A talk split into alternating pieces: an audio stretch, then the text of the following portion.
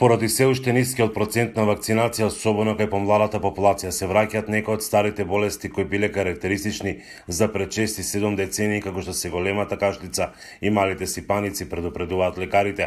Ако дојде до побрзо ширење на веќе искоренетите болести, штетите ќе бидат многу големи, вели лекарот Никола Бановски. Тоа се случува факт е, за среќа уште не се јавила детската парализа, најстрашна болест од овие од кои се вакцинираме едно дете да оболи, тогаш не знам кај ќе се криеме.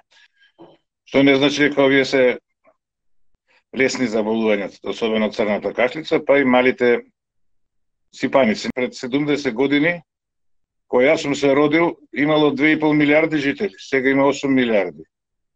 Значи, многу побрзо би се ширеле, отколку се, што се ширеле пред вакциналниот период. Јованка Коровешевска од Центарот за јавно здравје во Охрид веле дека е потврдено оти вакцинацијата е најдобар начин за заштита од заразните заболувања. Младите и родители се повеќе избегнуваат да ги носат децата на вакцинација. Не само за а, МРП, морбили рубеола паротит, што често е поврзува со аутизмот, меѓутоа избегнуваат и од другите вакцини. Немаат, немаат верба на ефикасноста на вакцината, на нивниот квалитет. Можам да кажам дека последниве години од осамостојувањето на Македонија многу поголема грижа се води за ладниот ланец и начинот на чување од транспорт до аплицирањето на вакцината, отколку што тоа било пред во Југославија. Голема штета направи ковид пандемија, тоа придонесе за недоверба кај луѓето додава Пановски.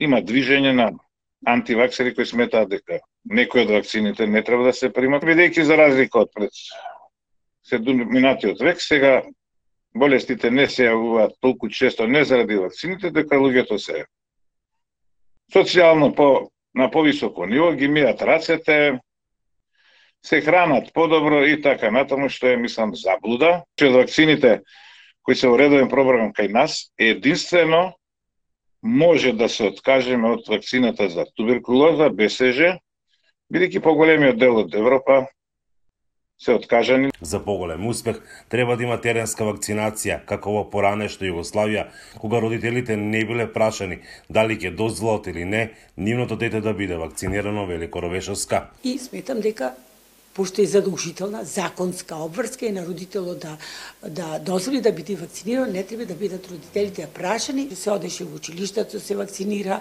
и мислам дека имаше поголем ефект. Ако немаше таква тенеска вакцинација, немаше толку брзо да успеат да ја сузбијат вариола вера епидемијата, која се јави локално, меѓутоа цела Југославија беше вакцинирана и не успеа да се прошири. Добро велат лекарите да се пристапи кон едукација на родителите и со факти да се зборува за квалитетот на вакцините.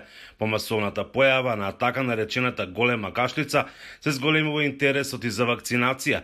Според поратоците на Институтот за јавно здравје било утврдено дека пропуштени за вакцинација само за голема кашлица биле 19.302 деца, од нив повеќе од 12.000 во Скопје. По нејзиното ширење се вакцинирале 5763.